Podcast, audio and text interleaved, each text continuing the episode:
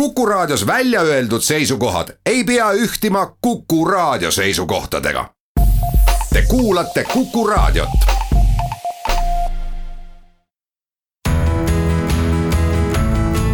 kuku Raadio nädala kommentaar. tere, mina olen Peeter Espak ja loen nädala kommentaari teemal pensionisammas pensionireformiga seonduv debatt ei oleks kindlasti oluliselt köitnud minu tähelepanu, kui avalikus arutelus ajakirjanduses ning pangandustegelaste ja osade poliitikute kommentaarides poleks järsku hakanud kõlama isiklikult solvavad ja mahategevad väited senise süsteemi kriitikute vastu. Absoluutselt kõikide riiklike kavade ja ka majanduslike mudelite puhul on teistsugust arusaama omavate mõtlejate või praktikute kriitika olnud alati tavapärane normaalsus ühtegi riiki ei saagi ratsionaalselt juhtida ilma, et pidevalt ei oleks üleval alternatiivid ja käigusolevate protsesside kriitika. üheks peamiseks senise pensionisüsteemi kriitikuks kujunes viimasel ajal Kristjan Järvan, kes esitas ka humanitaarteadlasele täiesti arusaadavate arvutuste, nagu juurdekuuluva argumentatsiooniga peamised murekohad, miks süsteem senisel kujul ei ole jätkusuutlik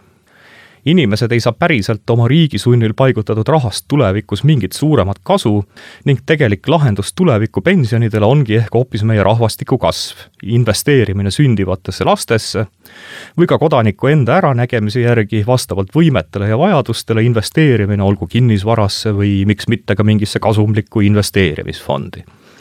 Järvani kriitika peale hakkasid aga kõlama kommentaarid, mis olid täiesti selgelt isiklikult ründavad ja eelkõige kritiseerija persooni ning mitte ideestiku vaatluse alla võtvad heaks näiteks sellest olid kas või Vilja Kiisleri Postimehe videokanalis esitatud suunavad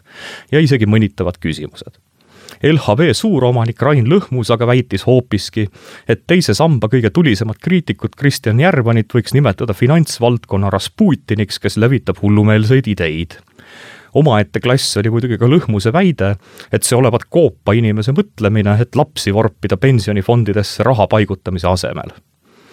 täiesti selgelt asus Järvani, nagu ka Neivelti poolt esitatud seisukohtadele vastu just enamik pangandussektoris tegutsevaid isikuid, nagu ka mitmeid ajakirjanikke. poliitiliselt näis, et suurimateks vastasteks kujunesid sotsiaaldemokraadid, kuid samas ka end liberaalidena esitlev Reformierakond ühe kõige kummalisema seisukoha esitas oma kommentaaris ERR-ile aga meediategelane Raul Rebane, kes väitis, et on ka märgata, et pangad ja finantsasutused reformiplaanide peale õnnetud ei ole, ehk loodavad suuremat kasumit kui varem. huvitav, kelle raha arvelt?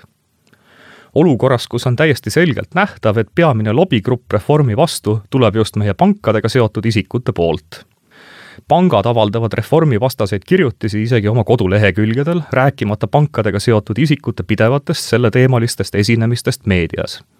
kartuses kaotada riigi poolt suunatav lõputu raha teenimisallikas on pankade selge lobitegevus ka arusaadav. iga ettevõte peabki oma kasumi pärast muretsema ja mis on lihtsam kasu teenimise võimalus, kui riik ise garanteerib püsiva sissetuleva kasu, kasumivoo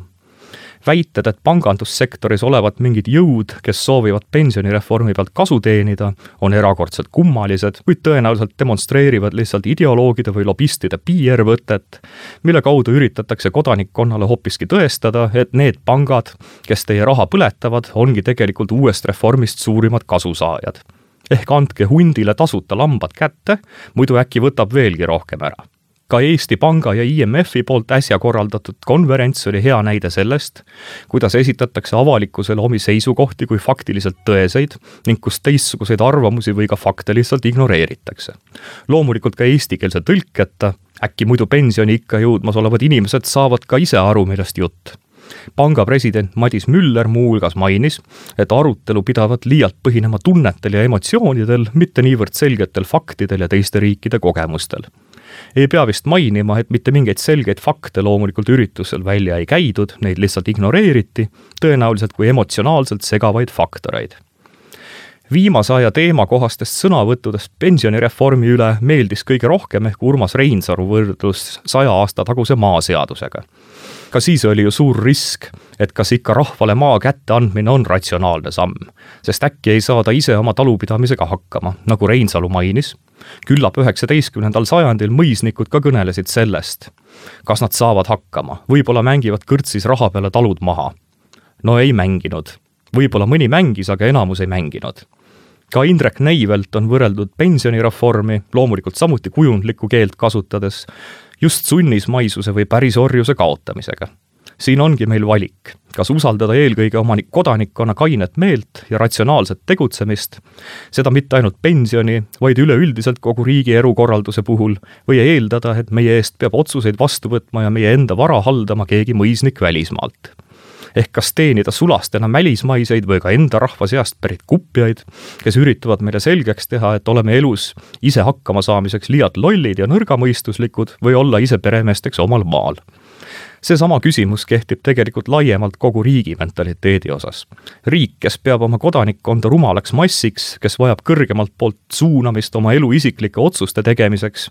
on tihtipeale sama hoiaku võtnud ka rahvusvahelises suhtluses riigina, olles passiivseks allujaks kõrgemalt tulevatele suunistele või vihjetele, tihti isegi siis, kui nende täitmist meilt isegi ei oodata mis aga paneb toimuvat reformi kõige enam toetama, on eelkõige just toimuva suure PR-kampaania olemus kui ainus võimalus oma argumendi esitamiseks on kriitikute isikute ründamine, siis on üpriski suur tõenäosus, et kriitikutel on äkki suuresti õigus ja kaitsjatel endil on miskit kaotada. Täiesti selge, et me ei tea ette, mis juhtub näiteks neljakümne aasta pärast ja kas meil siis enam isegi samad rahanimetusedki kasutusel on, rääkimata tänastest rahvusvahelistest liitudest. Kui üldse millessegi sundida oma kodanikkonda investeerima riigi poolt, saavad need olla ainult püsivad väärtused millest loomulikult kindlaimaks investeeringuvormiks on alati lapsed. pangad teenigu aga oma kasumit vabalt ja õiglasel turul, see teeb ka neid endid tugevamaks, sundides kasumi teenimiseks otsima meetodeid, mis ongi innovaatilised ja teevad vabas konkurentsis tugevaks. kuku raadio nädala kommentaar